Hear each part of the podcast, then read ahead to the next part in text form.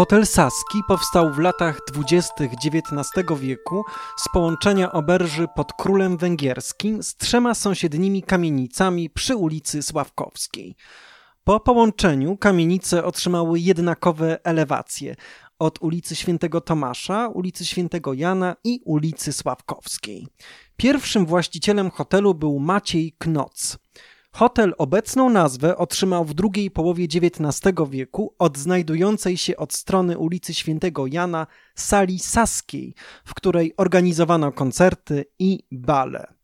W październiku 1820 roku dla 600 osób, co w skali 30-tysięcznego wówczas Krakowa było liczbą imponującą, w sali Knoca zaśpiewała słynna Włoszka Angelika Catalani, której towarzyszyła orkiestra Filharmonii Krakowskiej.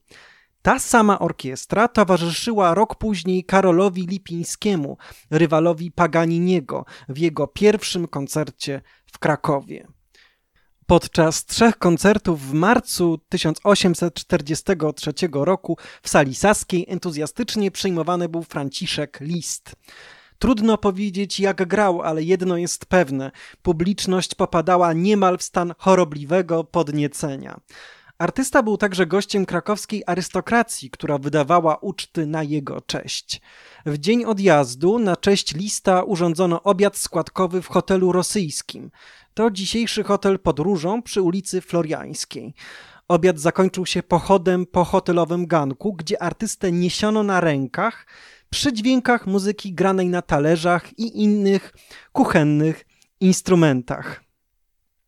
Lista oczarował nie tylko sam Kraków, ale w szczególności wzgórze wawelskie.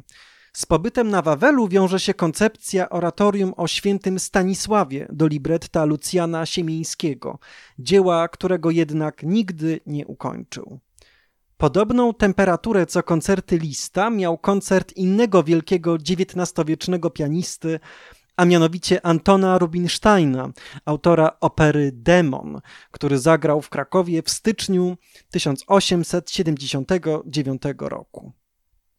Zdawało się, że ściany sali saskiej rozstąpią się od ścisku.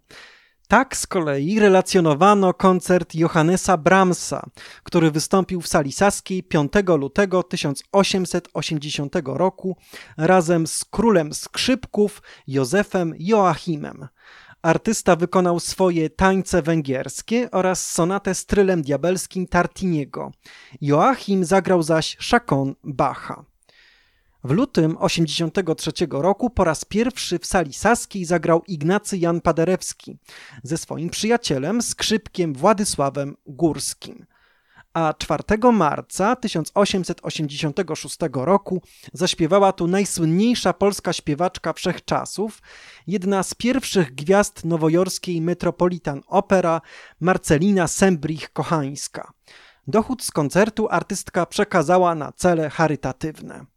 Takich tłumów jak na koncercie kochańskiej w sali saskiej Kraków nie widział nawet na sławnych trzech koncertach lista.